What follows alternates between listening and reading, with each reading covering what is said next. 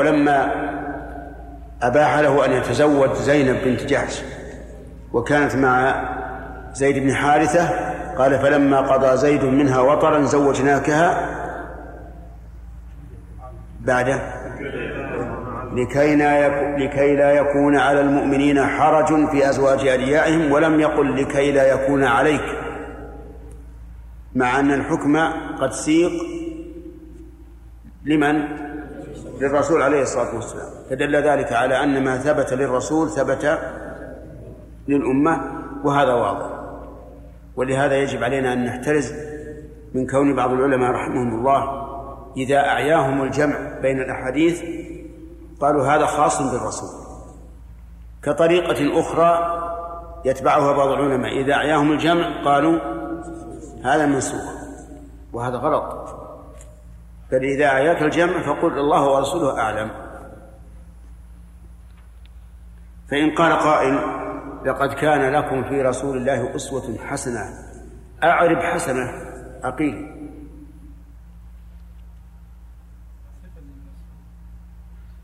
نعم. وهل يمكن أن تكون هناك أسوة غير حسنة؟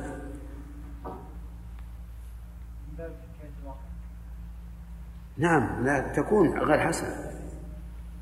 وهو أن لا أن لا أن لا يتبع الرسول عليه الصلاة والسلام اتباعا تاما. يعني قد يصلي كما صلى الرسول لكن يحصل فيه يحصل منه خلل في صلاته. فهذا لم يتأس به أسوة حسنة. فالعبارة لها مفهوم. وهو أن المتأسين بالرسول صلى الله عليه وسلم قد يتأسون به تأسيا كاملا. فهذه هي الأسوة الحسنة يا أيوب. وقد يتأسون به أسوة قاصرة فهذه أسوة لكنها قاصرة. وفيها أيضا إطلاق التسبيح على الصلاة بقوله لو كنت مسبحا لأتممت. ومنه قوله تعالى فسبحان الله حين تمسون وحين تصبحون وله الحمد في السماوات والأرض وعشيا وحين تظهرون. فإن هذه الآية في في سياق في بيان أوقات الصلوات الخمس. نعم. سليم.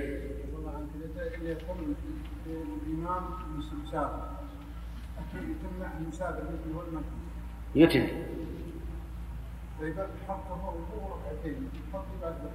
إذا في أتم الصحابة رضي الله عنهم صلوا خلف عثمان رضي الله عنه في منى أربع ركعات وهم ينكرون عليه هذا. لكن صلوا معه دفعا للخلاف. نعم. بارك الله فيكم. التي ما سبق أن الخطاب في القرآن اما النبي صلى الله عليه وسلم صريحا أو المؤمن صريحا أو يحتمل. فهل نقول في القسم الثالث المحتمل؟ إن الأصل فيه أنه عام حتى يكون دليل على الخصوصيه كما قلنا في افعال النبي صلى الله عليه وسلم. ذكرنا هذا مفصلا فيما سبق. راجعه وتجد جواب سؤالك. نعم. حدثنا خلف. نعم. حدثنا خلف بن هشام وأبو الربيع الزهراني وقتيبة بن سعيد قالوا حدثنا حماد وهو, وهو ابن زيد حاء وحدثني زهير بن حرب ويعقوب بن إبراهيم قال حدثنا إسماعيل كلاهما عن أيوب عن أبي قلابة عن أنس أن رسول الله صلى الله عليه وسلم صلى الظهر بالمدينة اربعا وصلى العصر بذي الحليفة ركعتين. حدثنا سعيد بن منصور قال حدثنا سفيان قال حدثنا محمد بن المنكدر وإبراهيم بن ميسرة سمع أنس بن مالك يقول قال سمع. أنهما سمع. أنهما سمعا لا ما أصل لكن نعم. عند القراءة. نعم. حدثنا محمد بن المنكدر وإبراهيم بن وإبراهيم بن ميسرة أنهما سمعا أنس بن مالك يقول صليت مع رسول الله صلى الله عليه وسلم الظهر بالمدينة أربعا وصليت معه العصر بذي الحليفة ركعتين.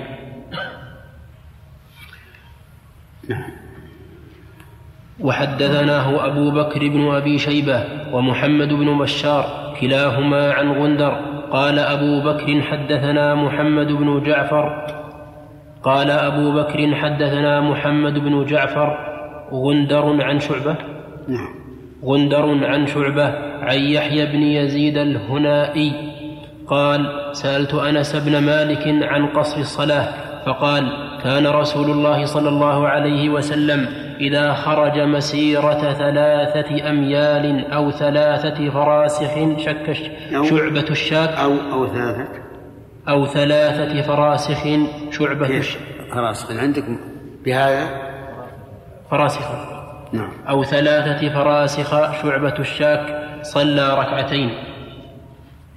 بسم الله الرحمن الرحيم. أما الحديث الأول حديث أنس رضي الله عنه بطريقيه ففيه دليل على أن الإنسان إذا صلى إحدى المجموعتين تامة لكونه في البلد ثم خرج وسافر فإنه يصلي الثانية مقصورة. لا يقال إن ألو... إن وقت الظهر والعصر وقت وقتان عند الضرورة في الجمع. بل كل و... بل كل صلاة منفردة عن الأخرى. فإذا صلى الظهر في بلده وسافر صلى العصر ركعتين. وكذلك على القول الراجح لو دخل الوقت وقت الظهر وهو في البلد. ثم سافر قبل أن يصلي وصلاها في السفر فإنه يصليها ركعتين اعتبارا بفعل الصلاة. كما أنه لو دخل عليه الوقت وهو في السفر ثم وصل المدينة وصلى فإنه يصلي أربعة اعتبارا بالفعل. أما حديث أنس الثالث فإنه يقول إن النبي صلى الله عليه وسلم إذا خرج مسيرة ثلاثة أميال أو ثلاثة فراسخ صلى ركعتين. فهذا الحديث اختلف العلماء في معناه. منهم من قال إنه إذا خرج ثلاثة أميال أو فراسخ في سفر طويل. فإنه يصلي ركعتين. يعني قبل استكمال مدة السفر. مثال ذلك أراد إنسان من أهل المدينة أن يسافر إلى مكة. فهل نقول له لا تقصر حتى تتجاوز المسافة وهي يومان أو نقول اقصر إذا خرجت مسيرة ثلاثة أميال أو فراسخ الثاني على قول يعني أول أول هؤلاء القوم الحديث إلى هذا المعنى. المعنى إذا خرج ثلاثة أميال أو فراسخ في في سفر طويل فإنه يبدأ القصر. ولا يشترط أن يتم أن أن يتم المسافة. وهذا إخراج للحديث عن ظاهره بلا شك. والقول الثاني أن النبي صلى الله عليه وسلم إذا سافر إذا خرج أي مسافرا. ولو كانت مسافة السفر ثلاثة أميال أو فراسخ فإنه يصلي ركعتين. وهذا القول هو الراجح. لكنه مخالف لقول الجمهور الذين يقولون إنه لا قصر إلا في سفر يبلغ يومين. فمتى خرج الإنسان إلى مكان يبعد عن بلده ثلاثة أميال أو فراسخ فإنه يصلي ركعتين. أيهما أكثر؟ الفراسخ أو الأميال الفراسخ كم الفرسخ من ميل؟ ثلاثة.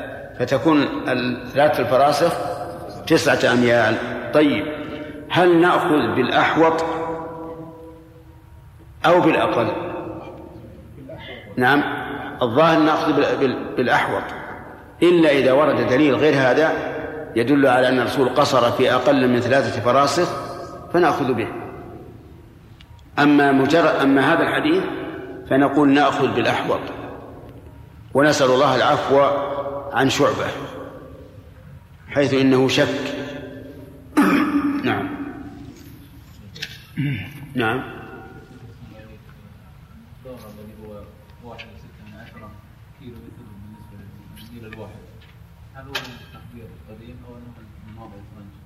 ما أعرف والله.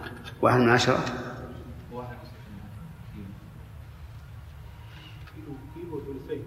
ها؟ الميل. على كل حال هم العلماء ذكروا الأميال وذكروا الفراسخ ثم ذكروا بعدها الأذرع. وكما والمعروف الآن أن الميل يزيد أظن ثلث ثلث. أي نعم.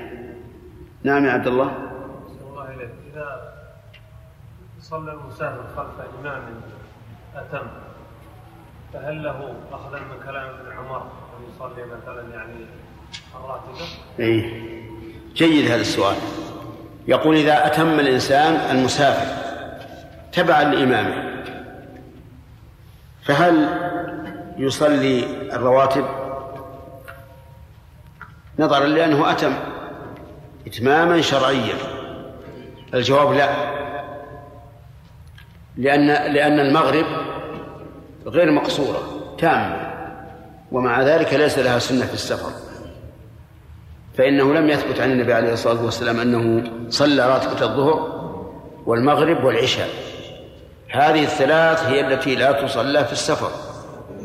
وما عدا ذلك من النوافل فإنه يصلي وأما من قعد هذه القاعدة التي ليس لها أرجل في قوله السنة في السفر عدم السنة. فهذه قاعدة ليس لها لا ليس لها أرجل بل نقول السفر فيه جميع السنن من صلاة الليل والوتر وسنة الفجر وتحية المسجد والاستخارة وك وكذلك أيضا إيش؟ سنة الضحى نعم. إلا هذه الرواتب الثلاث. الظهر والمغرب والعشاء. فإنه لم يثبت عن النبي صلى الله عليه وسلم أنه كان يصليها. فإن قال قائل هل هل أصلي وأنا في انتظار صلاة الظهر؟ هل أصلي نفلا مطلقا؟ فالجواب نعم تصلي نفلا مطلقا. لكن لا تصلي صلاة تتبع الفريضة التي التي تريد أن تقصرها. أن تقصرها. نعم. عبد الرحمن. لو صلى مسافر خلف مقيم ولم يدرك من صلاة المقيم إلا السجود يعني ما أدرك الركعة معه نعم. فإذا تم هل يتم يعني يقصر أو يتم؟ يصلي أربعا أو اثنين. تكلمنا عليها البارحة. نعم. نعم. ما حضرت إذا راجع الشريط عند موسى. نعم. حدثنا زهير بن حرب ومحمد بن بشار جميعا عن ابن مهدي. قال زهير حدثنا عبد الرحمن بن مهدي حدثنا شعبة عن يزيد بن خمير عن حبيب بن عبيد عن جبير بن نفير قال قال خرجت مع شرحبيل قال خرجت مع شرحبيل بن السمط إلى قرية على رأس سبع إلى قرية على رأس سبع عشرة أو ثمانية على رأس على رأس سبعة عشر أو ثمانية عشر ميلا فصلى ركعتين. فقلت له فقال رأيت عمر صلى بذي الحليفة ركعتين. فقلت له فقال إنما أفعل كما رأيت رسول الله صلى الله عليه وسلم يفعل. وحدثنيه محمد بن المثنى. قال حدثنا محمد بن جعفر. قال حدثنا محمد بن جعفر. قال حدثنا شعبة بهذا الإسناد وقال عن ابن وقال عن ابن السم ولم يسم شرحبيل وقال إنه أتى أرضا يقال لها يقال لها يقال لها دومين من حمص على رأس ثمانية عشر ميلا. حدثنا يحيى بن يحيى التميمي قال أخبرنا هشيم عن يحيى بن أبي إسحاق عن أنس بن مالك قال خرجنا مع رسول الله صلى الله عليه وسلم من المدينة إلى مكة. صلى ركعتين ركعتين حتى رجع. قلت كم أقام بمكة؟ قال عشرا وحدثناه قت وحدثناه قتيبة. قال حدثنا أبو عوانة. حاء وحدثناه أبو وحدثناه أبو كريب.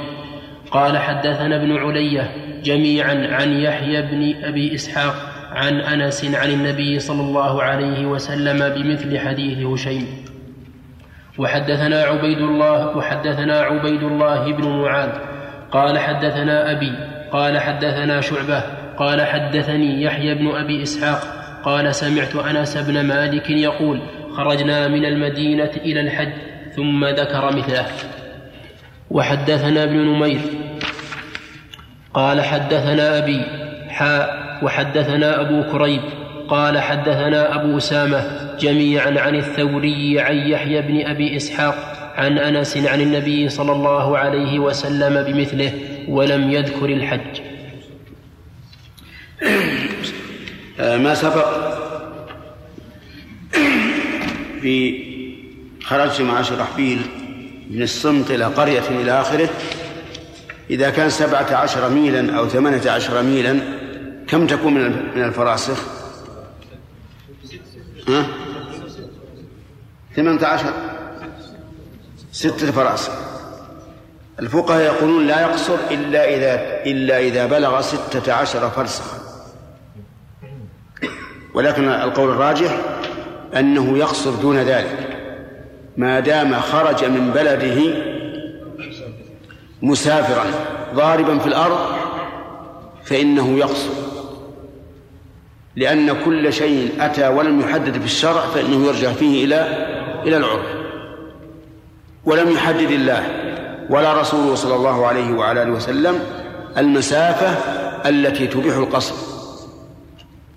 فنطلق ما أطلقه الله ولا نزيد شروطا فيما أطلقه الله ورسوله لأننا لو زدنا شروطا لضيقنا ما وسعه الله. إذ أن المطلق أوسع من المقيد والشروط تقييد للمشروط وعلى هذا فالأصح العموم. لكن لو قدرنا أن أن شككنا هل يسميه الناس سفرا أو لا فربما يقال نرجع الآن إلى ما قيده جمهور العلماء بأنه ركعتان أو نرجع إلى ما قال إلى ما دل عليه حديث أنس إذا تجاوز ثلاثة فراسخ فإنه يصلي ركعتين. وهذا أقرب لأن اتباع السنة أقرب من اتباع جمهور العلماء. إذا السنة إذا أن السنة ليس فيها خطأ ورأي الجمهور قد يكون خطأ. وفي حديث أنس أن الرسول صلى الله عليه وسلم كان يصلي ركعتين من حين أن خرج من المدينة إلى أن رجع إليها. دليل على أن الإنسان المسافر الذي فارق وطنه هو مسافر إلى أن يرجع إليه ولو طالت المدة. ولهذا قال أنس إنا أقمنا في مكة كم؟ عشرا.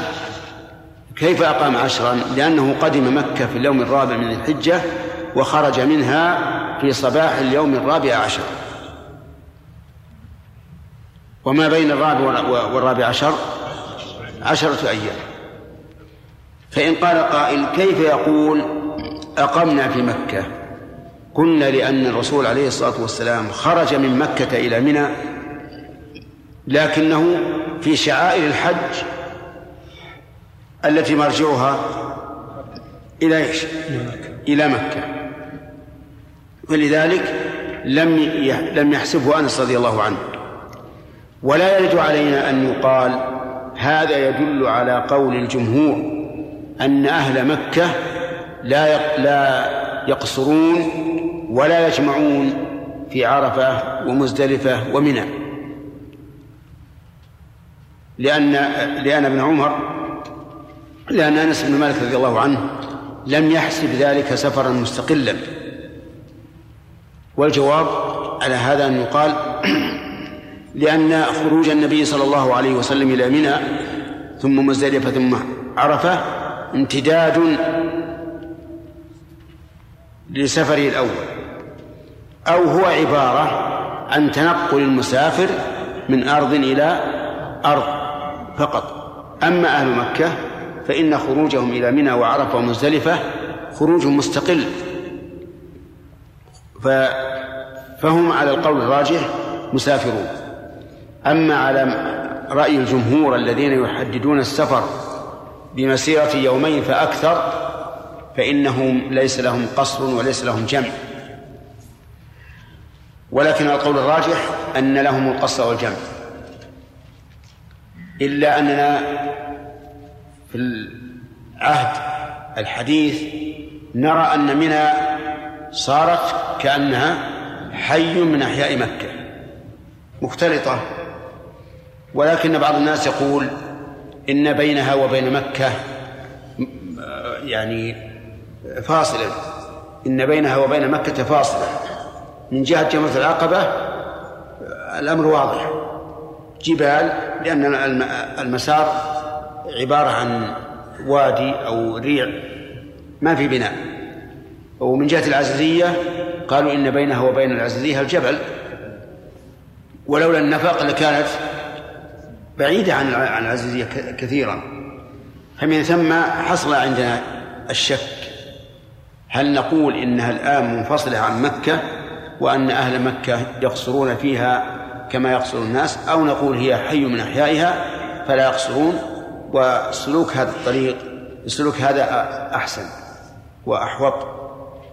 أما في مزدلفة وعرفة فيقصرون لأنهم يخرجون إلى إليها ويبقون يوما وليلة وبينها وبين مكة مسافة وفواصل. نعم. سليم. ممكن مقارنة كلهم لم يكن الراحلة والزاد والماء كلهم يعني مكة البلدات أحجاج يعني مثل ما يعني كلها مشقة يعني تجي عليها مشقة السفر. إيه في المسافة لا شك. في المسافة لا شك أنهم مسافرون. لكن هم الفقهاء رحمهم الله والذين يقيدون السفر بالمسافة يقول المسافة لا تقل على 80 كيلو. وعرفة إلى ما ما تأتي ما تبلغ هذا الحد. أنت لا تخ... لا لا لا تجادل في أمر أنا أوافقك عليه. أنا أرى أن أن أن أهل مكة في الزمن السابق وفي اللاحق أيضا في باستثناء منى أرى أنهم مسافرون وأن السفر ليس له حد. وكانوا بالأول يحملون الزاد يسمى يوم الثامن يسمى يوم التروية لأن الناس يتروون فيه ويخرجون معهم بالقرب وغيرها.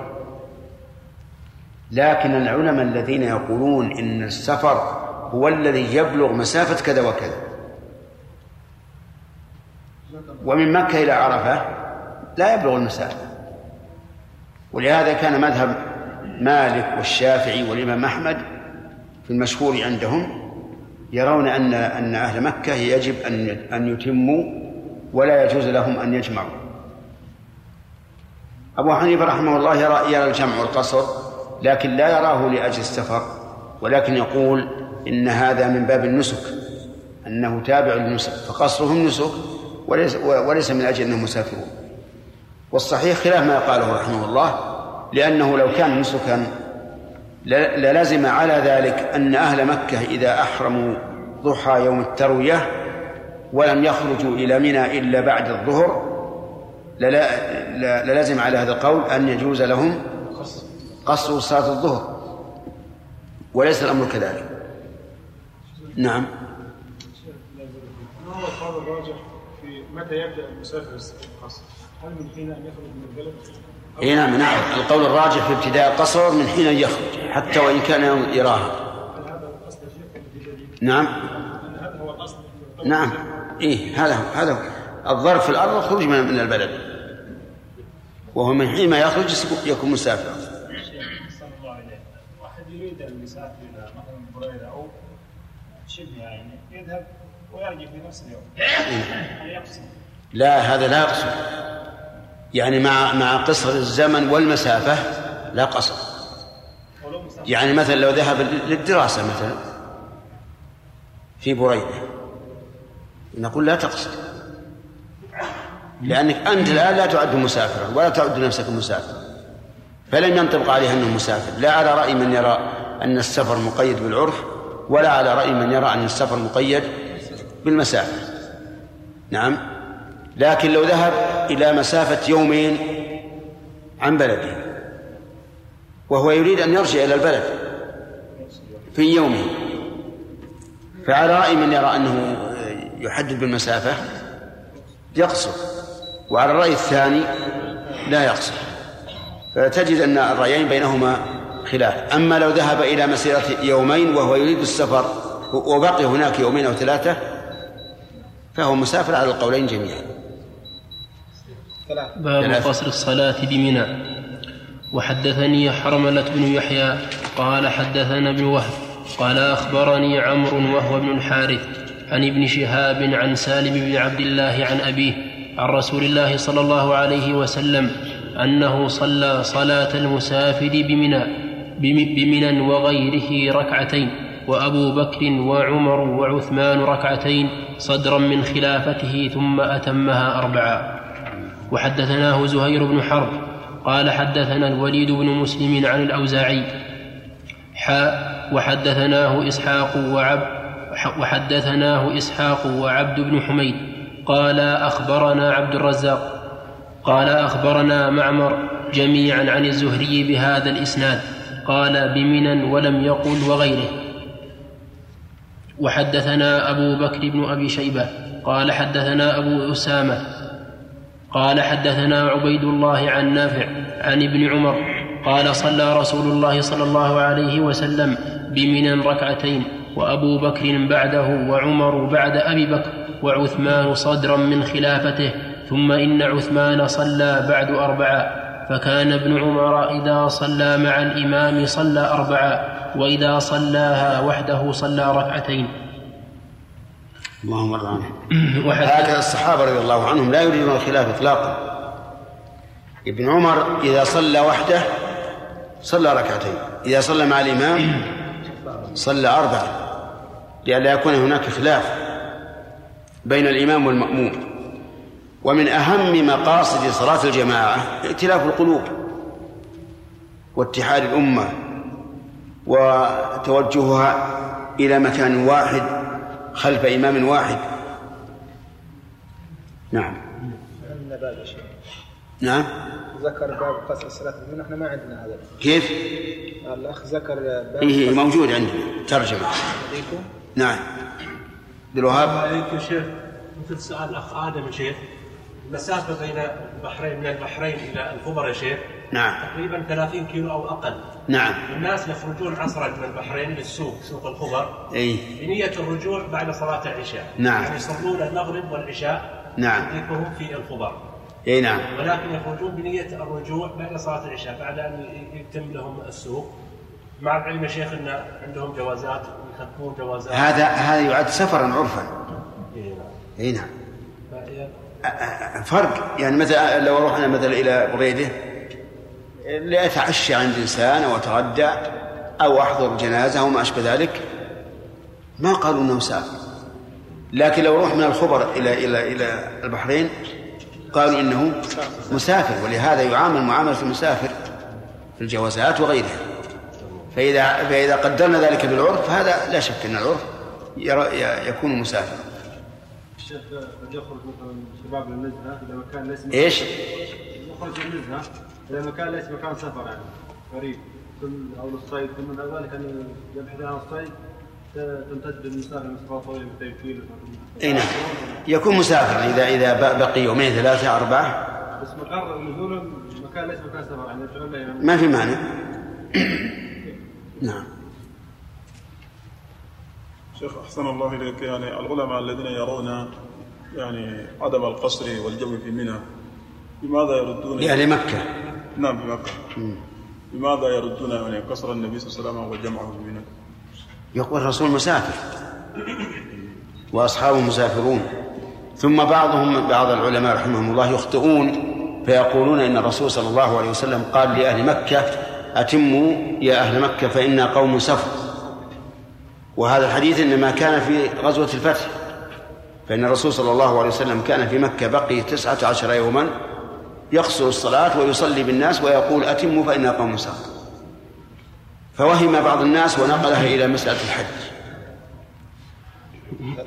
وحدث وحدثناه ابن المثنى وعبيد الله بن سعيد قال حدثنا يحيى وهو القطان حاء وحدثناه أبو كريب قال أخبرنا ابن أبي زائدة حاء وحدثناه ابن نمير, ابن نمير قال حدثنا عقبة بن خالد كلهم عن عبيد الله بهذا الإسناد نحوه. وحدثنا عبيد الله بن معاذ قال حدثنا أبي قال حدثنا شعبة. عن خبيب بن عبد الرحمن سم أنه سمع حفص بن عاصم عن ابن عمر قال صلى النبي صلى الله عليه وسلم بمنى صلاة المسافر وأبو بكر وعمر وعثمان ثماني سنين أو قال ست سنين. قال حفص وكان ابن وكان ابن عمر يصلي بمنى ركعتين ثم يأتي فراشه فقلت أي عم لو صليت بعدها ركعتين. قال لو فعلت لأتممت الصلاة. وحدثناه يحيى بن حبيب. قال حدثنا خالد يعني ابن الحارث حاء وحدثنا ابن المثنى. قال حدثني عبد الصمد قال حدثنا شعبة بهذا الإسناد ولم يقولا في الحديث بمنى ولكن قال صلى في السفر. حدثنا قتيبة بن سعيد قال حدثنا عبد الواحد عن الأعمش قال حدثنا إبراهيم. بما نأخذ بمن قال صلى في السفر أو صلى بمنى؟ بمنى لأنها أخص. والأخص يعني معه زيادة علم. ثم قوله صلى صلى النبي صلى الله عليه وسلم في السفر صلاة المسافر يعني فيها العبارة فيها شيء من التشويش. لأن صلى في السفر صلاة المسافر هذا أمر معلوم. لا يحتاج إلى إلى ذكره. فتكون رواية صلى في منى أصح. وربما يقال إن هذه الرواية الأخرى شاذة. نعم. حدثنا قتيبة بن سعيد قال حدثنا عبد الواحد عن الأعمش قال حدثنا إبراهيم قال سمعت قال سمعت عبد الرحمن بن يزيد يقول صلى بنا عثمان بمنى أربع ركعات. فقيل, فقيل ذلك لعبد الله بن مسعود فاسترجع ثم قال صليت مع رسول الله صلى الله عليه وسلم بمنى ركعتين وصليت مع أبي بكر مع أبي بكر الصديق ركع بمنى ركعتين وصليت مع عمر بن الخطاب بمنى ركعتين فليت حظي من أربع ركعات ركعتان متقبلتان. حدثنا أبو بكر بن أبي شيبة وأبو كريب قال حدثنا أبو معاوية حاء وحدثنا عثمان بن أبي شيبة قال حدثنا جرير حاء وحدثنا إسحاق وابن, خش وابن خشرم. نعم. قال أخبرنا عيسى كلهم عن الأعمش بهذا الإسناد نحوه.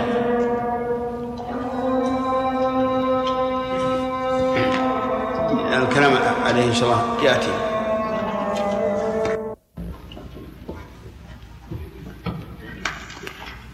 الله الرحمن الرحيم الحمد لله رب العالمين وصلى الله وسلم على عبده ورسوله نبينا محمد وعلى آله وصحبه أجمعين قال الإمام مسلم بن الحجاج رحمه الله تعالى في باب قصر الصلاة بمنى وحدثنا يحيى بن وحدثنا يحيى بن يحيى وقتيبة قال يحيى أخبرنا وقال قتيبة حدثنا أبو الأحوص عن أبي إسحاق عن حارثة بن وهب قال صليت مع رسول الله صلى الله عليه وسلم بمنى آمن ما كان الناس وأكثره ركعتين. آمن ما كان الناس وأكثره ركعتين. أكثره بالفتح نعم. نعم. حدثنا أحمد بن عبد الله بن يونس قال حدثنا زهير قال حدثنا أبو الأحوص قال حدثني حارثة قال حدثني حارثة بن وهب الخزاعي قال صليت خلف رسول الله صلى الله عليه وسلم بمنى والناس أكثر ما كانوا فصلى ركعتين في حجة الوداع. قال مسلم حارثة بن وهب الخزاعي هو أخو عبيد الله بن عمر الخطاب هو أخو عبيد الله بن عمر بن الخطاب لأمه.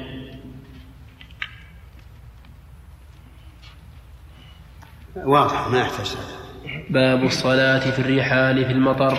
حدثنا يحيى حدثنا يحيى بن يحيى قال قرأت على مالك عن نافع أن ابن عمر أذن بالصلاة في ليلة ذات برد وريح فقال ألا صلوا في الرحال؟ ثم قال كان رسول الله صلى الله عليه وسلم يأمر المؤذن إذا كانت ليلة باردة ذات مطر يقول ألا صلوا في الرحال؟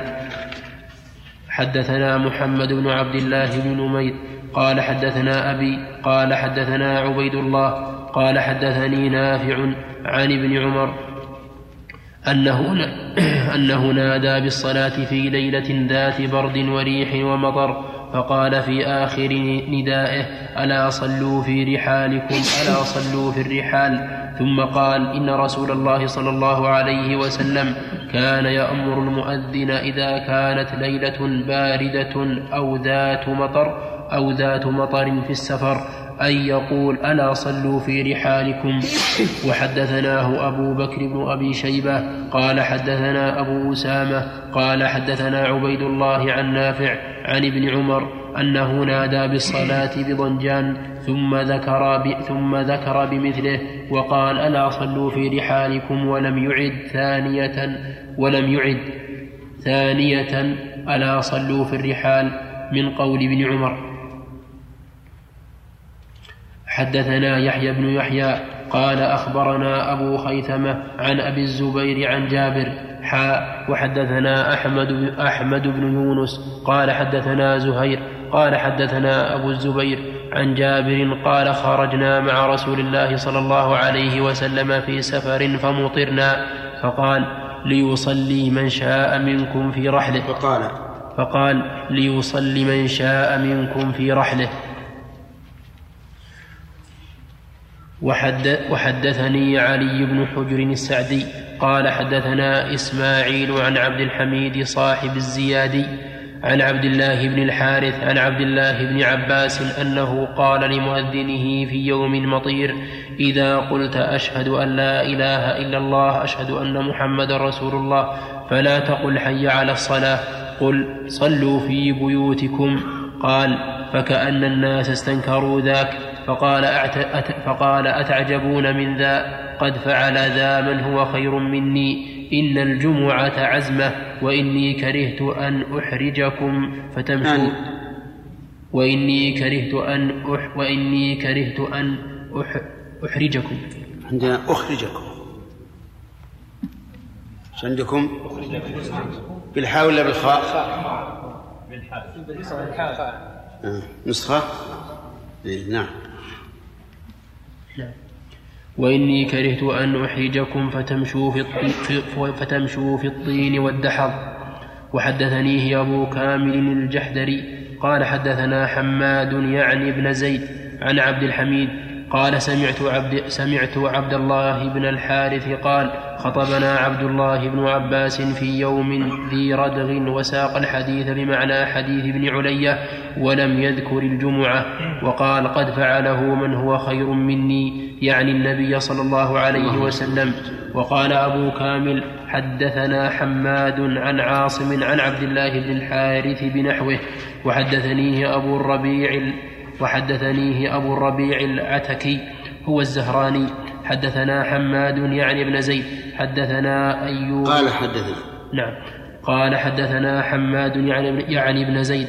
قال حدثنا أيوب وعاصم الأحول بهذا حدثنا قال حدثنا. قال حدثنا أيوب وعاصم الأحول بهذا الإسناد ولم يذكر في حديثه يعني النبي صلى الله عليه وسلم.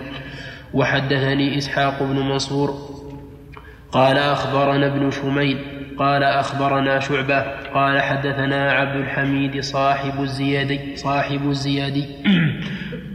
قال سمعت عبد الله بن الحارث قال أذن مؤذن بن عب أذن مؤذن بن عباس في يوم جمعة في يوم مطر فذكر نحو حديث في يوم مطير. نعم. أذن مؤذن بن ع... أذن مؤذن بن عباس يوم جمعة في يوم مطير فذكر نحو حديث ابن علية وقال وكرهت أن تمشوا في الدحض والزلل. وحدثناه عبد بن حميد قال حدثنا سعيد بن عامر عن شعبة حاء وحدثنا عبد بن حميد قال أخبرنا عبد الرزاق قال أخبرنا معمر كلاهما عن عاصم الأحول عن عبد الله بن الحارث عن عبد الله بن الحارث أن ابن عباس أمر مؤذنه في حديث أمر مؤذنه في حديث معمر في يوم جمعة في يوم في يوم مطير بنحو حديثهم وذكر في حديث معمر فعله من هو خير مني يعني النبي صلى الله عليه وسلم. وحدثناه عبد بن حميد قال حدثنا أحمد قال حدثنا أحمد بن إسحاق الحضرمي قال حدثنا وهيب قال حدثنا أيوب عن عبد الله بن الحارث قال وهيب لم يسمعه منه. قال أمر ابن عباس مؤذنه في يوم جمعة في يوم مطير بنحو حديثهم. هذا الحديث حديث ابن عباس رضي الله عنهما بجميع طرقه التي ساقها مسلم رحمه الله يدل على سماحة هذا الدين الإسلامي وأنه إن قد انتفى فيه الحرج حتى في فيما هو من فروض من الفروض العظيمة كصلاة الجمعة. ومن المعلوم أن الذين يصلون في رحالهم في هذه الحال سوف يصلون ظهرا ولا يصلونها جمعة. لأن الجمعة لا بد فيها من اجتماع. و ومن صلى لعذر في بيته فإنه يصليها ظهرا. ولكن إذا كان مسافرا هل يصليها مقصورة أو يصليها تامة؟ الجواب الأول يصليها مقصورة. خلافا لما يظن بعض الناس أنه إذا مر إذا مر ببلد واستمر في سيره يظن بعض العامة أنه لا يصلي الجمعة قصرا بل يصليها أربعا ولكن هذا لا أعلم له أصلا ولا أعلم به قائلا.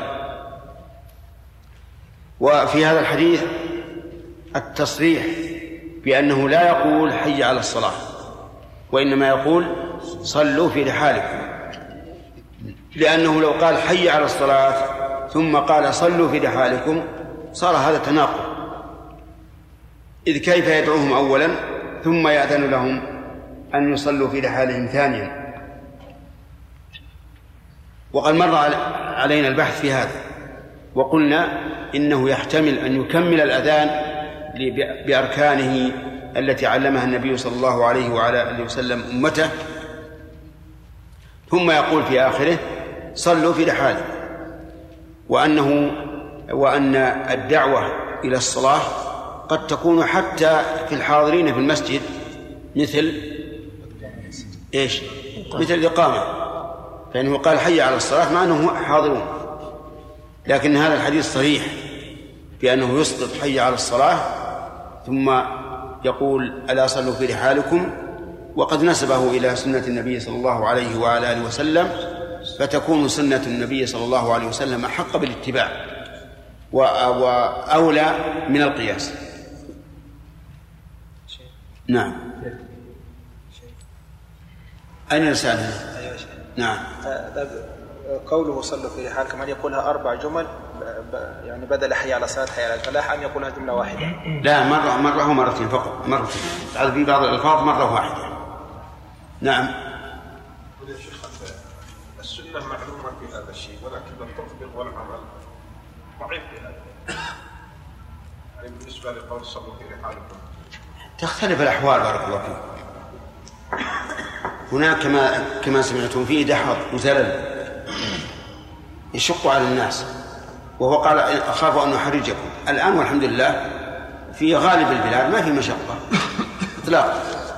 ثم الناس تطيب قلوبهم إذا حضروا الجمعة أكثر من أن تطيب إذا صلوا في رحالهم فيقول ما دامت هي رخصة تقام الجمعة فمن شاء حضر ومن شاء لم يحضر.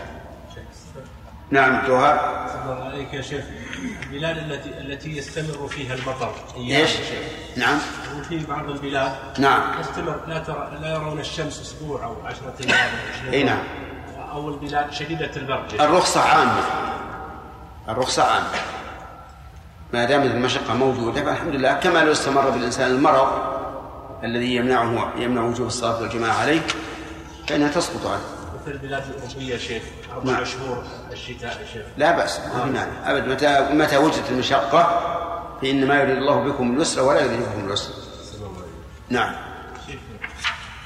نعم. المسافر النازل يا شيخ هل تجب عليه الجمعة؟ وكذلك ما هو النازل في بلد تقام فيه الجمعة؟ نعم. نعم تجب عليه. شيخ وهل من من المسافر النازل الذي ينزل في بلدة ليتزود إلى إكمال سفره؟ إي نعم ما دام ما دام أقام من قبل الصلاة إلى العصر مثلا. عازم على أن يقيم من قبل الصلاة صلاة الجمعة إلى العصر يجب عليه أن يصلي على الجمعة.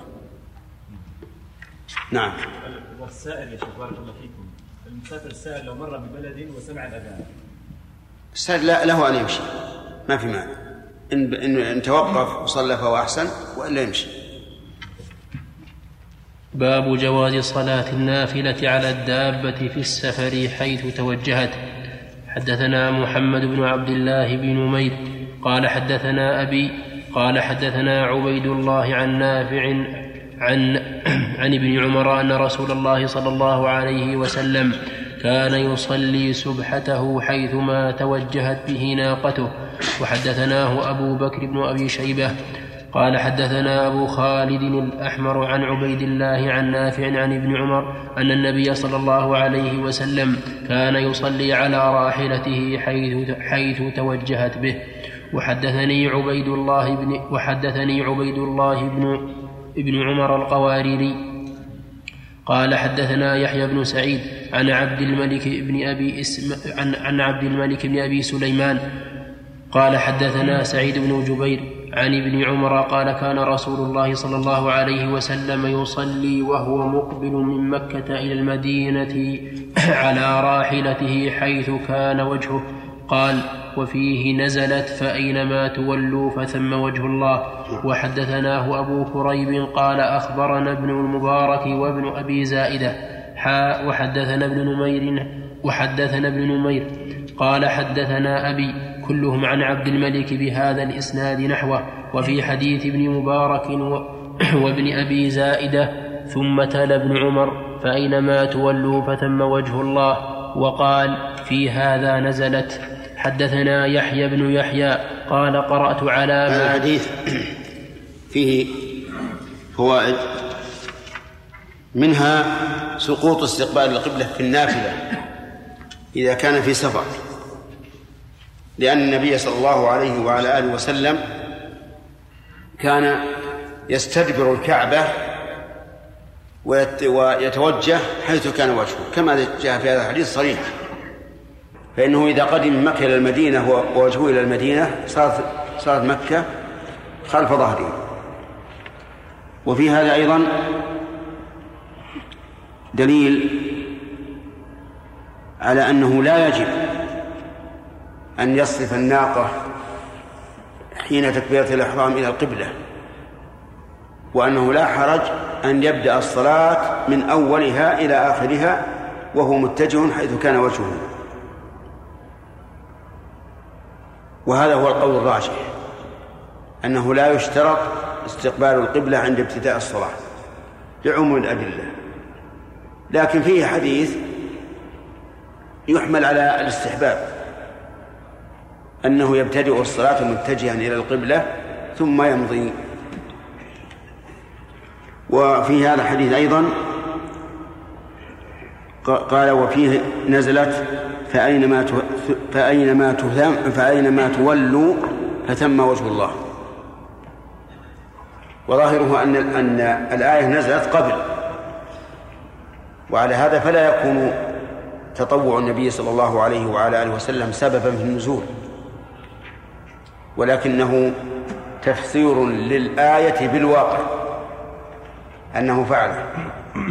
وقوله جل وعلا فأينما تولوا فثم وجه الله. اختلف المفسرون من السلف والخلف في المراد بالوجه هنا. فقيل المراد بالوجه الجهة. يعني أينما تولوا فثم الجهة التي يرضاها الله لكم ويشرعها لكم. وقيل المراد بذلك وجه الله عز وجل الحقيقي لأن المصلي إذا قام يصلي فإن الله قبل وجهه.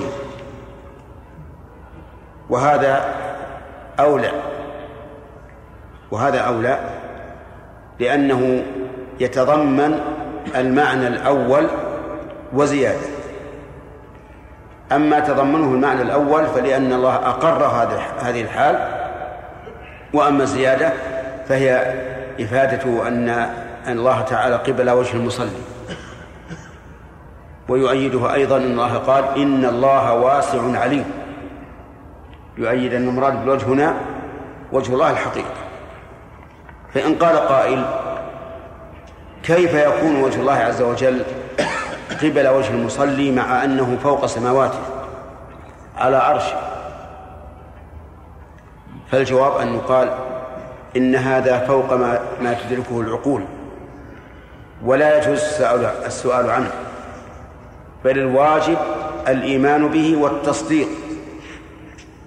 وأن نقول إن هذا شيء أخبر به النبي صلى الله عليه وسلم إن الله قبل وجه المصلي وهو أعلم الأمة وأصدق الأمة وأنصح الأمة وأفصح الأمة.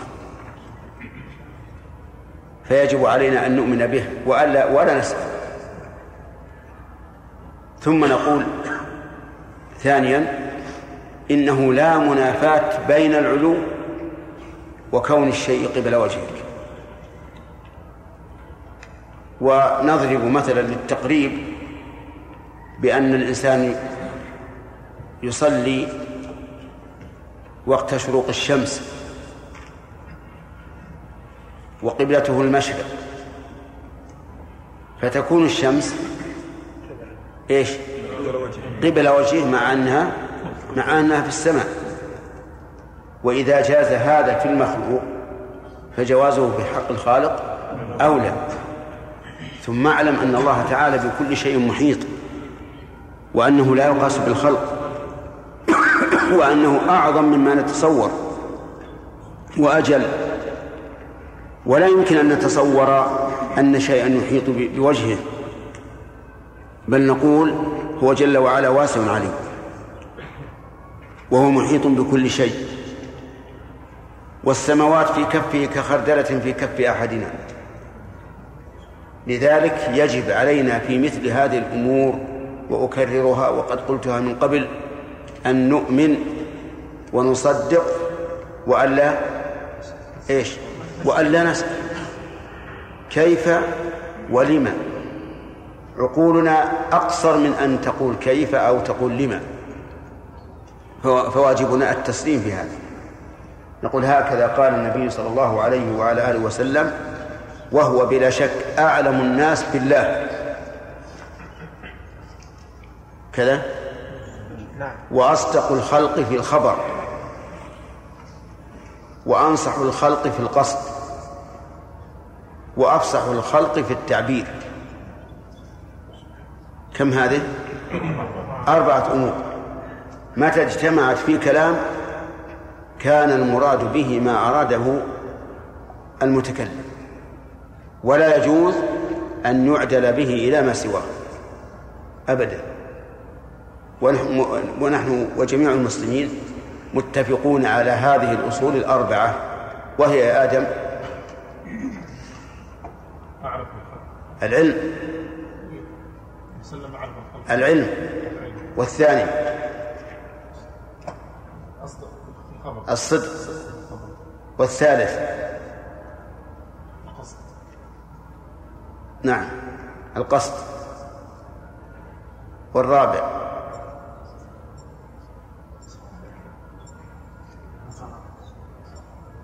إيش؟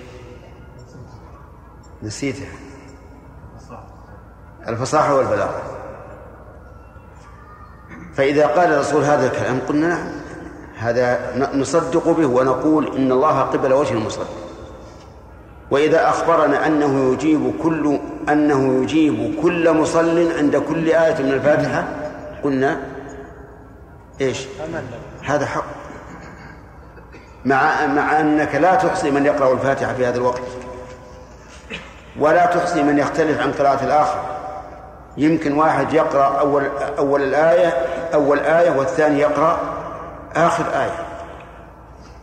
لكن كل هذه فوق عقولنا. وواجبنا نحوها أن نسلم.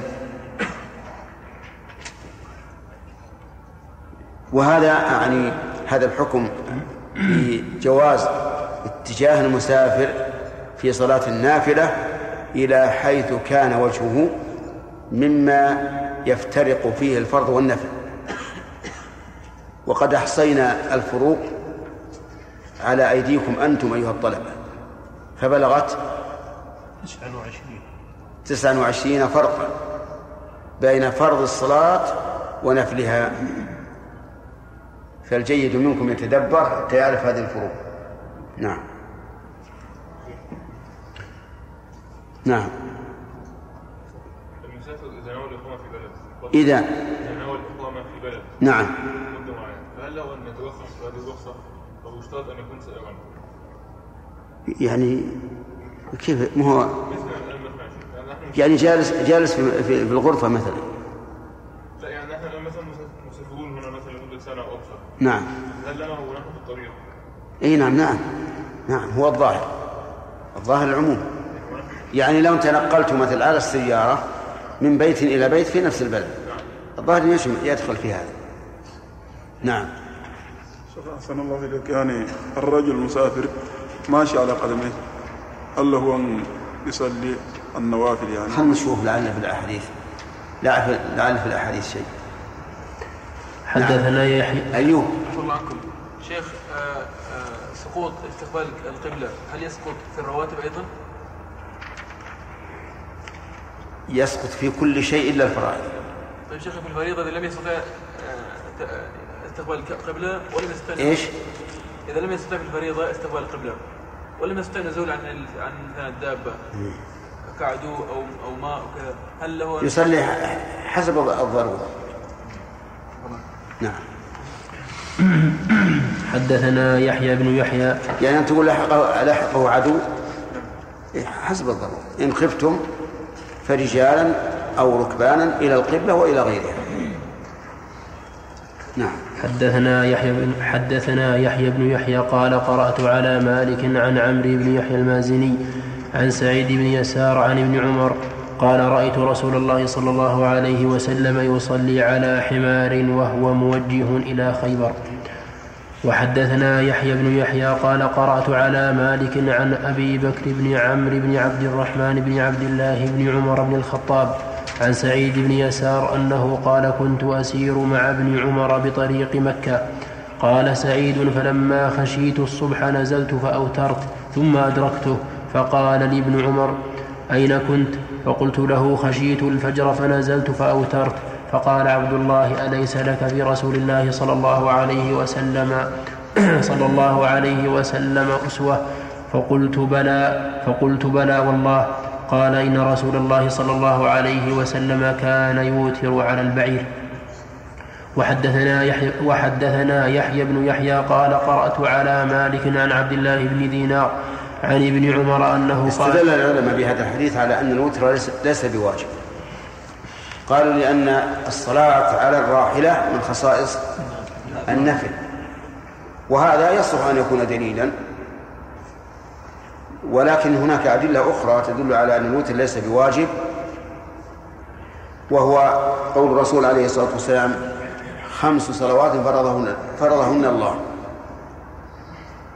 فإنه يدل على أنه لا يجب سوى هذه الخمس. ولا يرد علينا أن صلاة العيد واجبة على القول الراجح صلاة الكسوف فرض كفاية على القول الراجح. لأن هذه وجبت بأسباب. وحديث الصلاة الخمس إنما هو في ال- في الأشياء التي تدور بدوران اليوم بدوران اليوم والليلة بدون سبب. نعم. صلاة النبي والسلام على هنا ان هذا لم يثبت عمرو بن يحيى كيف؟ يقول ان هذا غلط من عمرو بن يحيى المازني اي نعم. هذا ثابت عن انس كما يذكر مسلم. مش النووي اللي قال يا شيخ محمد. اي لا الصحيح الصحيح أنه يجوز. حتى على الحمار. نعم. يقول لم يثبت أن النبي صلى الله عليه وسلم يعني الأصل الثبوت ما دام ساقه مسلم ولم يتعقب فالأصل أنه ثابت. ولا محذور في هذا لأن الحمار طاهر. نعم. وحدثنا يحيى وحدثنا يحيى بن يحيى قال قرأت على مالك عن عبد الله بن دينار عن ابن عمر أنه قال كان رسول الله صلى الله عليه وسلم يصلي على راحلته حيثما توجهت به. قال عبد الله بن قال عبد الله بن قال عبد الله بن دينار كان ابن عمر يفعل ذلك. وحدثنا عيسى بن حماد المصري قال أخبرنا الليث قال حدثنا ابن الهادي عن عبد الله بن دينار عن عبد الله بن عمر أنه قال كان رسول الله صلى الله عليه وسلم يوتر على على راحلته. وحدثني حرملة بن يحيى قال أخبرنا ابن وهب قال أخبرني يونس عن ابن شهاب عن سالم بن عبد الله عن أبيه قال كان رسول الله صلى الله عليه وسلم يسبح على يسبح على راحلته قبل أي وجه توجهت. قبل أي وجه توجه ويوتر عليها غير أنه لا يصلي عليها المكتوبة. وحدثنا عمرو بن سواد وحرملة. قال أخبرنا ابن وهب. قال قال أخبرني يونس عن ابن شهاب عن عبد الله بن عامر بن ربيعة أنه أخبره أن أباه أخبره أن أنه رأى رسول الله صلى الله عليه وسلم يصلي السبحة يصلي السبحة بالليل في السفر على ظهر راحلته حيث توجهت. وحدثني محمد بن حاتم. قال حدثنا عفان بن مسلم. قال قال حدثنا همام. قال حدثنا أنس بن سيرين. قال تلقينا أنس بن مالك حين قدم الشام. فتلقيناه فتلقيناه بعين التمر. فرأيته يصلي على حمار ووجهه فصلي فرأيته يصلي على حمار ووجهه ذلك الجانب. و ذلك الجانب. ذاك. ذلك.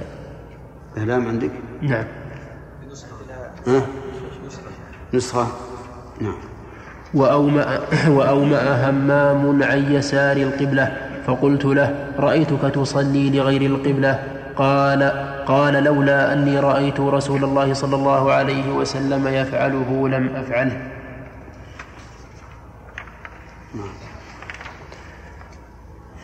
باب جواز الجمع بين الصلاتين في السفر. خلاصة هذه الأحاديث وأكثرها عن عبد الله بن عمر رضي الله عنهما أنه يجوز للإنسان إذا كان مسافرا أن يصلي على راحلته ولكن هل يصلي إذا لم يكن راكبا؟ اختلف في ذلك العلماء. منهم من قال لا يصلي لأن ذلك إنما ورد على الراحلة ومعلوم أن الذي على الراحلة لا يحتاج إلى عمل كثير لأنه جالس. ومنهم من قال يجوز قياسا على الركوب على الراحلة. ولكن القول بأنه لا يجوز أقرب للصواب إلا إذا ثبت به السنة ولكنها لم تثبت.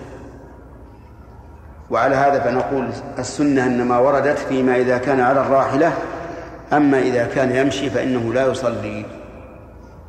ويكفيه أن أنه إذا كان من عادته أن يصلي هذه النوافل أنها تكتب له. لقول النبي صلى الله عليه وسلم من مرض أو سافر كتب له ما كان يعمل صحيحا مقيما. نعم.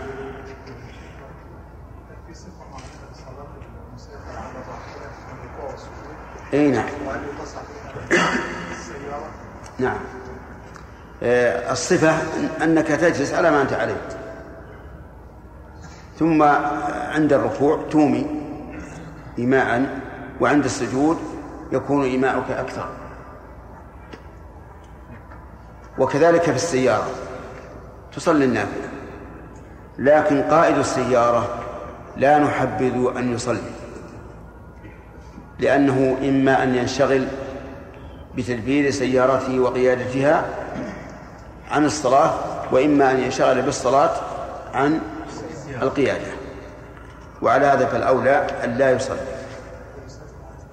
نعم يسلم نعم عادي يسقط عنه القيام لأنه لا يمكن والركوع والسجود أيضا لأنه لا يمكن. ها؟ يومي يومي إيماء ويجعل السجود أخفض من الركوع. إذا يستطيع القيام بالصلاة الفريضة بالصلاة إيش؟ فريضة نعم. يستطيع القيام والركوع كل شيء مثلا والاستقبال؟ استقبال طيب ما في معنى ما في معنى آه، كذلك لو كان في الطيارة مثلا. وهو يستطيع أن يأتي بأركان الصلاة وشروطها فلا بأس. نعم.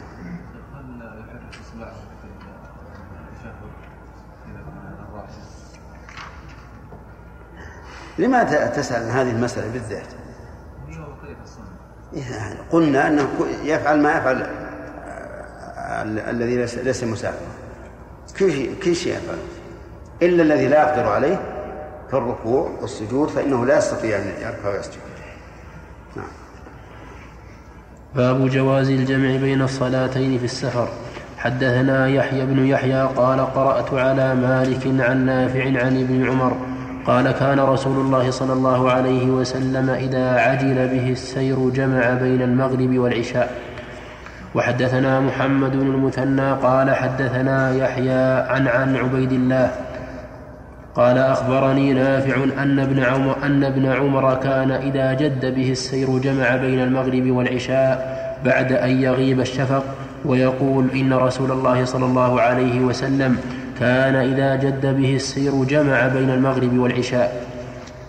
وحدثنا يحيى بن يحيى وقتيبة بن سعيد وأبو بكر بن أبي شيبة وعمر الناقد كلهم عن ابن عيينة قال عمرو حدثنا سفيان حدثنا سفيان عن الزهري عن سالم عن أبيه عن سالم عن أبيه أنه قال رأيت رسول الله صلى الله عليه وسلم يجمع بين المغرب والعشاء إذا جد به السير حد وحد وحدثني. وحدثني حرملة بن يحيى قال أخبرنا ابن وهب قال أخبرني يونس عن ابن شهاب قال أخبرني سالم, سالم بن عبد الله أن أباه قال رأيت رسول الله صلى الله عليه وسلم إذا أعجله السير في السفر يؤخر صلاة المغرب حتى يجمع بينها وبين صلاة العشاء. نقف على هذا على الباب هذا إن شاء الله.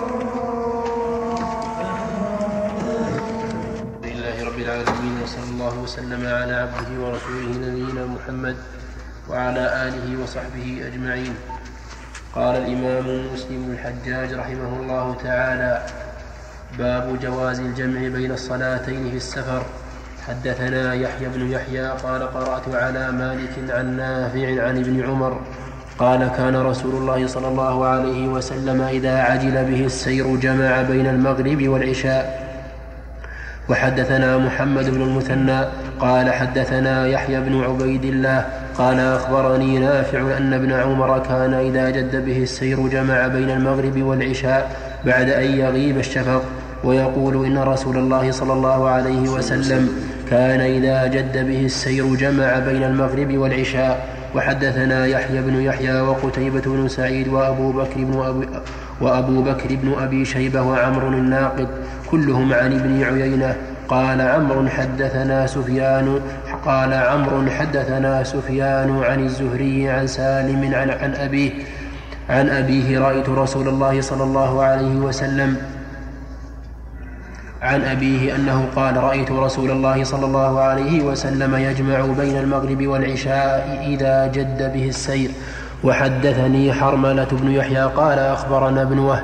قال أخبرني يونس عن ابن شهاب قال أخبرني سالم بن عبد الله أن أباه قال رأيت رسول الله صلى الله عليه وسلم إذا أعجله السير في السفر يؤخر صلاة المغرب حتى يجمع بينها وبين صلاة العشاء. وحدثنا قتيبة بن سعيد قال حدثنا المفضل يعني ابن فضالة عن عقيل عن ابن شهاب عن أنس بن مالك قال كان رسول الله صلى الله عليه وسلم إذا ارتحل قبل أن تزيغ الشمس أخر الظهر إلى وقت العصر ثم نزل فجمع بينهما فإن زاغت الشمس قبل أن يرتحل صلى الظهر ثم ركب.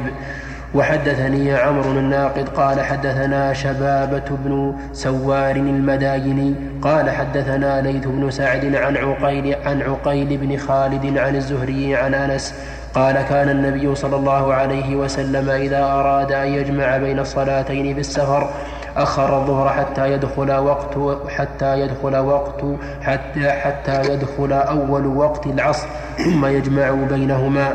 وحدثني أبو الطاهر وعمرو بن سواد قال أخبرنا ابن وهب قال أخبرني قال أخبرنا ابن وهب قال حدثني جابر بن إسماعيل عن عقيل عن ابن شهاب عن أنس عن النبي صلى الله عليه وسلم إذا عجل إذا إذا عجل عليه السفر.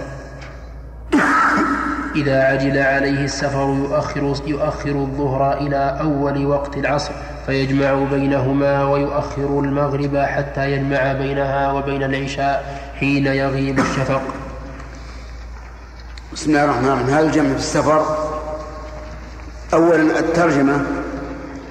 إذا رأينا الترجمة وجدنا أنها مطلقة. جواز الجمع بين الصلاتين في السفر. ومعنى الإطلاق أنها تشمل التقديم والتأخير وما إذا جد به السير وما إذا كان نازلا. وهذا هو الذي دلت عليه السنة أن الجمع في السفر جائز تقديما وتأخيرا سواء جد به السير أم لم يجد به السير. وإذا نظرنا إلى الأحاديث وجدناها تدل على أن النبي صلى الله عليه وسلم كان لا يجمع إلا إذا جد به السير وعجل به السير كما في حديث ابن عمر وحديث أنس رضي الله عنهما.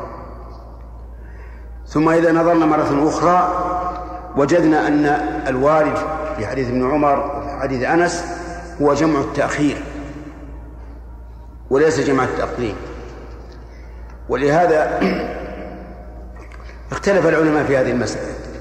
فمنهم من قال إن الجمع في السفر جائز مطلقا أي سواء كان جمع تقديم أم جمع تأخير وسواء جد به السير أم لا.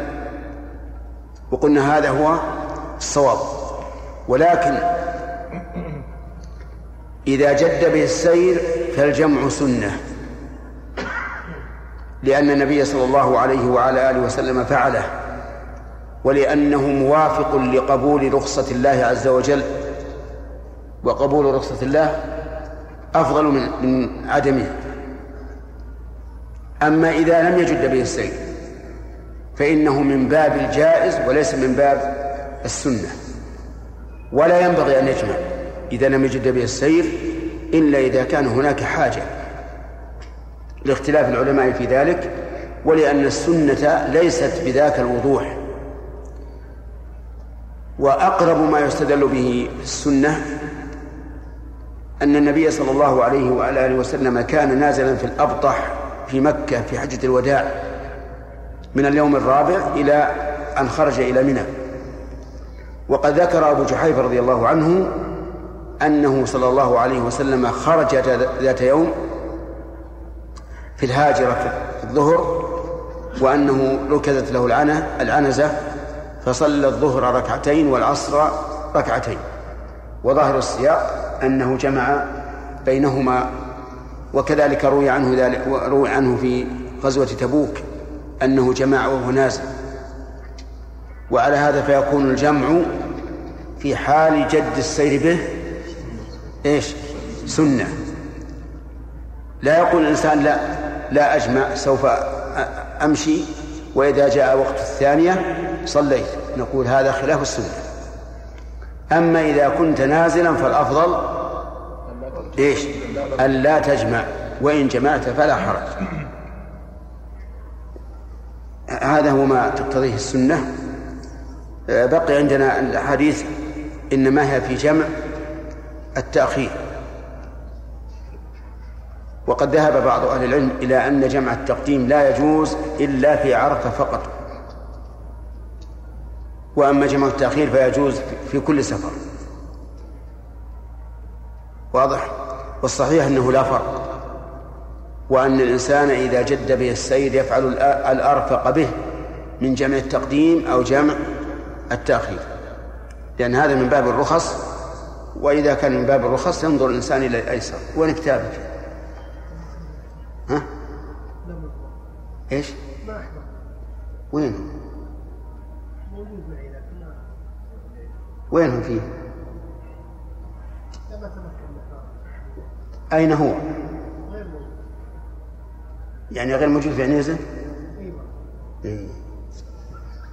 هذا غلط هذا وهذا هو اللي يجعلك الآن تسرح أنا أنا حاط بالي لك سرحت مرتين أو ثلاثة في هذا الظرف القصير فهمت؟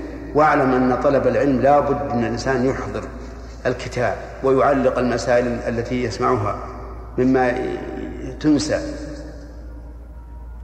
أما تأتي صفر اليدين ما هو صحيح هذا. هل تنزل إلى الميدان بل- بلا سلاح؟ نعم؟ إيه طيب؟ إذا لا طبعا وعندك أنه من الطبيعة من الفطرة طبعا يعني فطرة فلا فلا تفعل هذا. ولا ولا لا ألفينك بعد اليوم لا كتاب معك. إن شاء الله. فالمهم الآن صار ال- الجمع الذي دلت عليه السنة هو ما سبق.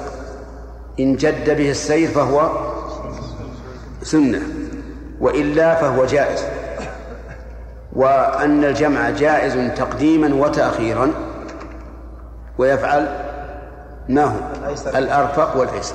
هذا هو الذي دلت عليه السنة وهو المعتمد إن شاء الله. من العلماء من يقول إن الجمع لا يجوز. ويحمل كل نص ورد في الجمع على الجمع الصوري ومعنى الجمع الصوري أن يصلي الأولى في آخر وقتها والثانية في أول وقتها. عرفتم؟ إلا في جمع عرفة ومزدلفة. بناء على أنه ليس السبب هو السفر ولكن السبب النسك. ولكن الصواب خلاف ذلك بلا شك. والجمع الصوري ليس تيسيرا بل هو تعسير. بل إن بل إن لقائل أن يقول إن الجمع الصوري في عهد الرسول عليه الصلاة والسلام لا يمكن. لأن لأن الجمع الصوري يرتبط بمعرفة خروج الوقت. فهل يمكن أن يرقب أحد في عهد الرسول عليه الصلاة والسلام الوقت عند ظلال الشيء حتى يكون مثله؟ فيعرف أن الوقت وقت الظهر قد انتهى وقت العصر قد دخل. نعم هذا لا يمكن. ولا أظن أن الرسول يفعل هذا. كذلك عند مغيب الشفق. يقول معنى الجمع أنك تأخر المغرب إلى أن يقرب مغيب الشفق الأحمر. ثم تصلي ثم تصلي بعدها المغرب العشاء إذا غاب الشفق. هذا أيضا من الصعوبة بمكان. صعب جدا. ولهذا الذين يقولون بالجمع الصوري إنما يريدون التخلص من إيراد ما ثبت بالسنة. فقط. أما حقيقة فإن تطبيقه لا يمكن. أبدا. طيب. بقي أن يقال هل يشترط في الجمع التوالي أو يجوز التفريق؟ فرق الفقهاء رحمهم الله عندنا في المذهب الحنابلة بين جمع التقديم والتأخير. فقالوا جمع التقديم لا بد فيه من التوالي. وجمع التأخير لا بأس من التفريق.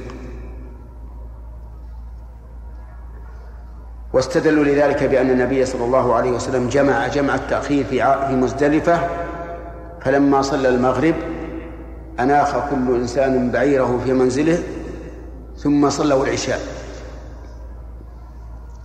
قالوا وأما جمع التقديم فإن الاشتقاق يدل على توالي الصلاتين لأن الجمع بمعنى الضم. تقول جماعة واحد إلى واحد يساوي إيش؟ اثنين. ومعنى جماعة واحد إلى واحد يعني ضممت.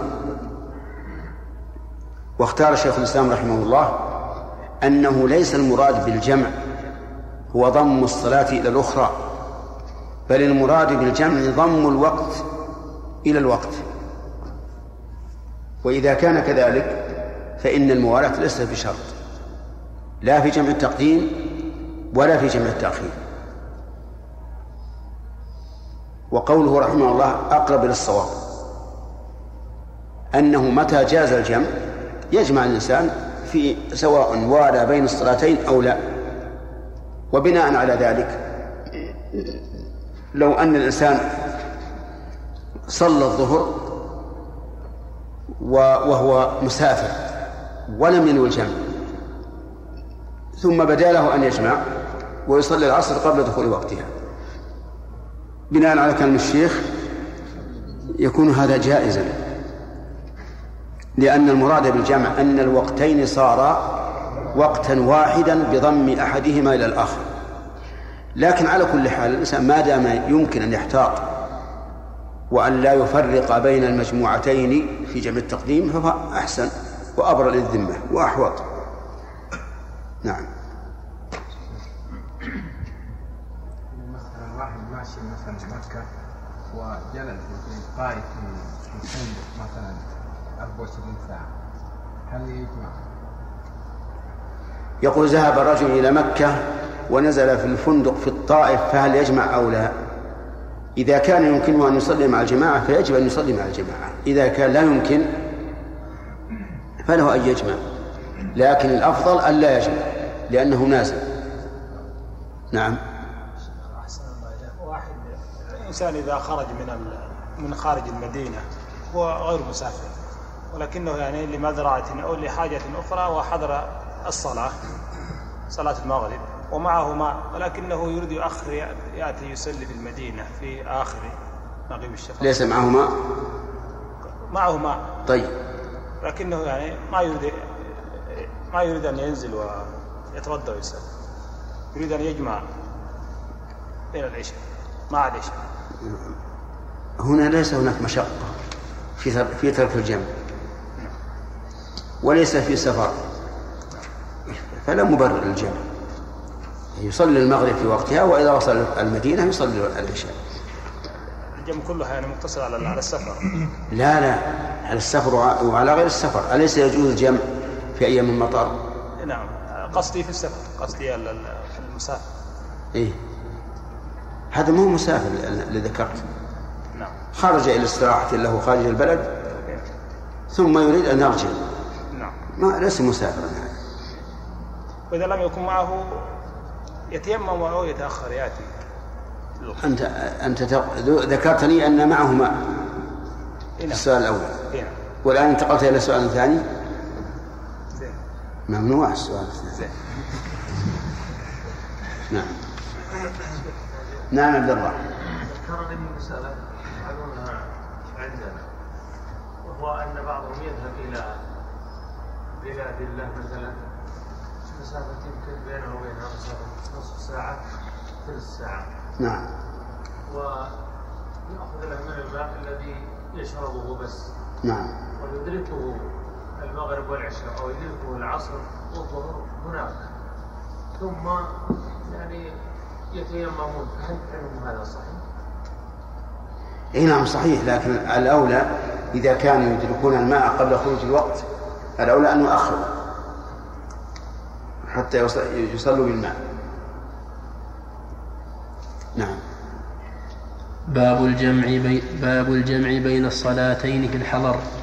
حدثنا يحيى بن يحيى قال قرأت على مالك عن أبي الزبير عن سعيد بن جبير عن ابن عباس قال صلى رسول الله صلى الله عليه وسلم الظهر والعصر جميعا والمغرب والعشاء جميعا في في غير خوف ولا سفر. وحدثنا أحمد بن يونس وعون بن سلام جميعا عن زهير. قال ابن يون قال ابن يونس حدثنا زهير. قال حدثنا أبو الزبير عن سعيد بن جبير عن ابن عباس قال صلى رسول الله صلى الله عليه وسلم الظهر والعصر جميعا بالمدينة في غير خوف ولا سفر. قال أبو الزبير فسألت سعيدا لم فعل ذلك؟ فقال سألت ابن عباس كما سألتني فقال أراد ألا يحرج أحدا من أمته. وحدثنا يحيى وحدثنا يحيى بن حبيب الحارثي قال حدثنا خالد يعني ابن الحارث قال حدثنا قرة قال حدثنا أبو الزبير قال حدثنا سعيد بن جبير قال حدثنا ابن عباس أن رسول الله صلى الله عليه وسلم جمع بين الصلاة, جمع بين الصلاة في سفرة سافرها في غزوة تبوك فجمع بين الظهر والعصر والمغرب والعشاء. قال قال سعيد فقلت لابن عباس ما حمله على ذلك؟ قال أراد أن لا يحرج أم قال أراد أن لا يحرج أمته. حدثنا أحمد بن عبد الله بن يونس قال حدثنا زهير قال حدثنا أبو الزبير عن أبي الطفيل عامر بن معاذ قال خرجنا مع رسول الله صلى الله عليه وسلم في غزوة تبوك فكان يصلي الظهر والعصر جميعا والمغرب والعشاء جميعا. حدثنا يحيى بن حبيب قال حدثنا خالد يعني ابن الحارث قال حدثنا قرة بن خالد قال حدثنا أبو الزبير قال حدثنا عامر بن واثلة أبو الطفيل. قال حدثنا معاذ بن جبل قال جمع رسول الله صلى الله عليه وسلم في غزوة تبوك بين الظهر وال بين الظهر والعصر وبين المغرب والعشاء. قال فقلت ما حمله على ذلك؟ قال فقال أراد أن لا يحرج أمته. وحدثنا أبو بكر بن أبي شيبة وأبو كريب قال حدثنا أبو معاوية. حاء وحدثنا أبو كريب وأبو سعيد الأشج واللفظ لأبي كريب. قال حدثنا وكيع كلاهما عن الأعمش عن حبيب بن أبي عن حبيب بن أبي ثابت عن سعيد بن عن سعيد بن جبير عن ابن عباس قال جمع رسول الله صلى الله عليه وسلم بين الظهر والعصر والمغرب والعشاء بالمدينة في غير خوف ولا مطر في حديث وكيع قال قلت لابن عباس لم فعل ذلك؟ قال كي لا يحرج أمته. وفي حديث أبي معاوية قيل لابن عباس ما أراد إلى ذلك؟ قال أراد أن لا يحرج أمته؟ وحدثنا أبو بكر بن أبي شيبة قال حدثنا سفيان بن عيينة عن عمرو عن جابر بن زيد عن ابن عباس قال صليت مع النبي صلى الله عليه وسلم ثمانيا جميعا وسبعا جميعا. قلت يا أبا الشعثاء أظنه أخر الظهر وعجل العصر وأخر المغرب وعجل العشاء. قال وأنا أظن ذاك. وحدثنا أبو الربيع الزهراني قال حدثنا حماد بن زيد عن عمرو بن دينار عن جابر بن زيد عن ابن عباس أن رسول الله صلى الله عليه وسلم صلى بالمدينة سبعا صلى بالمدينة سبعا وثمانية الظهر والعصر والمغرب والعشاء. وحدثني أبو الربيع الزهراني قال حدثنا حماد عن الزبير بن الخريت عن عبد الله بن شقيق قال خطب قال خطبنا ابن عباس يوما بعد العصر حتى غربت الشمس وبدت النجوم وجعل الناس يقولون الصلاة الصلاة. قال فجاءه رجل من بني تميم لا يفتر ولا ولا ينثني الصلاة الصلاة. فقال ابن عباس أتعلمني بالسنة لا أم لك؟ ثم قال رأيت رسول الله صلى الله عليه وسلم جمع بين الظهر والعصر والمغرب والعشاء. قال عبد الله بن شقيق فحاك في صدري من ذلك من, ذا من ذلك شيء فأتيت أبا هريرة فسألته فصدق مقالته. وحدثنا ابن أبي عمر قال حدثنا وكيع قال حدثنا عمران قال حدثنا عمران بن قال حدثنا عمران بن حدير عن عبد الله بن شقيق العقيلي قال قال رجل لابن عباس الصلاة فسكت ثم قال الصلاة فسكت ثم قال الصلاة فسكت. ثم قال لا أم لك أتعلمنا بالصلاة؟ وكنا نجمع بين الصلاتين على عهد رسول الله صلى الله عليه وسلم. هذا الباب ذكر فيه المؤلف رحمه الله أحاديث في الجمع في غير السفر وغالبها عن ابن عباس رضي الله عنهما. ففيها أن النبي صلى الله عليه وسلم جمع في المدينة من غير خوف ولا سفر وفي اللفظ الآخر من غير خوف ولا مطر. والثاني أولى لأن قوله ولا سفر مستفاد من قوله جمع في المدينة فلا حاجة إلى ذكره إلا على سبيل التوكيد فقط. ثم إن ابن عباس رضي الله عنهما سئل لماذا فعل؟ قال أراد أن لا يحرج أمته أي أن لا يدخلها في حرج. وضيق. وهذا إشارة إلى أن الجمع لا يجوز إلا إذا كان في تركه حرج ومشقة. وليس فيه دليل على الجواز مطلقا. ويؤيد هذا توقيت الصلوات. أن النبي صلى الله عليه وسلم قال وقت الظهر من كذا إلى كذا ووقت العصر من كذا إلى كذا ووقت المغرب من كذا إلى كذا ووقت العشاء من كذا إلى كذا. وهذا تحديد. فلا يجوز العدول عنه إلا لسبب. لقول الله تعالى تلك حدود الله فلا تعتدوها ومن يتعدى حدود الله فأولئك هم الظالمون. فالصواب أنه لا يجوز الجمع إلا لسبب والسبب أدنى سبب يكون به حرج على الإنسان فإنه يجوز له أن يجمع. لأن الأمر الحمد لله واسع. وفي هذا الحديث أيضا أن من أسباب الجمع أن يكون الإنسان محتاجا إلى موعظة الناس. وكأن ابن عباس رضي الله عنهما حين خطب هذه المدة الطويلة كأنه يخاطب أقواما يحتاجون إلى إقناع. وتعلمون أن الخوارج في عهد ابن عباس رضي الله عنهما كانوا كثيرين فكأن الوقت يعين, فكأن الحال تعين عليه أن يطيل الخطبة. ولهذا أطالها يقول إنه من العصر إلى أن بدت النجوم وحتى قيل له الصلاة الصلاة. بعد العصر حتى غربت الشمس وبدت النجوم. حتى قيل له في ذلك فقال لمن؟ قال له هذا لا أم لك. لا أم لك. هل المعنى أنك لقيط لا تعرف أمك. أو المعنى أنك ولدت بلا أم أو المعنى أن تفقد أمك. الثالثة ولا الأول والثاني نعم. آه، الواقع أنها أنها كلمة يقولها العرب يقولونها عند التعجب من الإنسان وعند توبيخ الإنسان. أحيانا إذا اشتهر أحد بالشجاعة والإقدام قالوا لا أم له. ويشبه هذا قول النبي صلى الله عليه وسلم لأبي بصير إيش؟ ويل أمي. وأحيانا يقولها على سبيل السب. والظاهر من السياق والحال أن ابن عباس أراد بذلك السب. يعني من أنت حتى تعلمنا بسنة الرسول صلى الله عليه وعلى آله وسلم.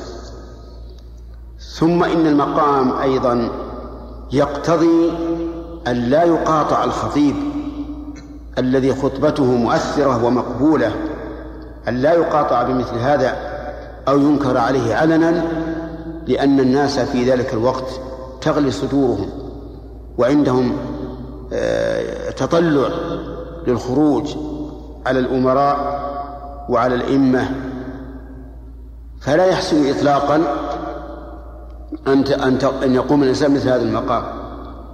ولهذا وبخه هذا التوبيخ. قال لا أم لك. ثم إن ابن عباس رضي الله عنهما أيضا لم يقل هذا رأي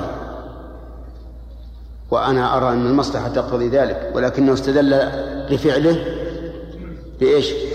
بسنة الرسول صلى الله عليه وعلى آله وسلم. أنه صلى ثمانيا وصلى سبعا. صلى ثمانيا يعني بها الظهر والعصر. لأنها ثمان أربع وأربع ثمان ركعات. وصلى سبعا يعني بها المغرب والعشاء. لأن المغرب ثلاثا لأن المغرب ثلاث والعشاء أربع. فإذا قال قائل هل تجيزون الإنسان قام خطيبا في الناس؟ من قبل صلاة من قبل غروب الشمس إلى أن بدت النجوم وسيستمر حتى يدخل وقت العشاء هل تجيزون له أن يفعل هذا؟ نقول نعم إذا اقتضت الحال ذلك نجيز له هذا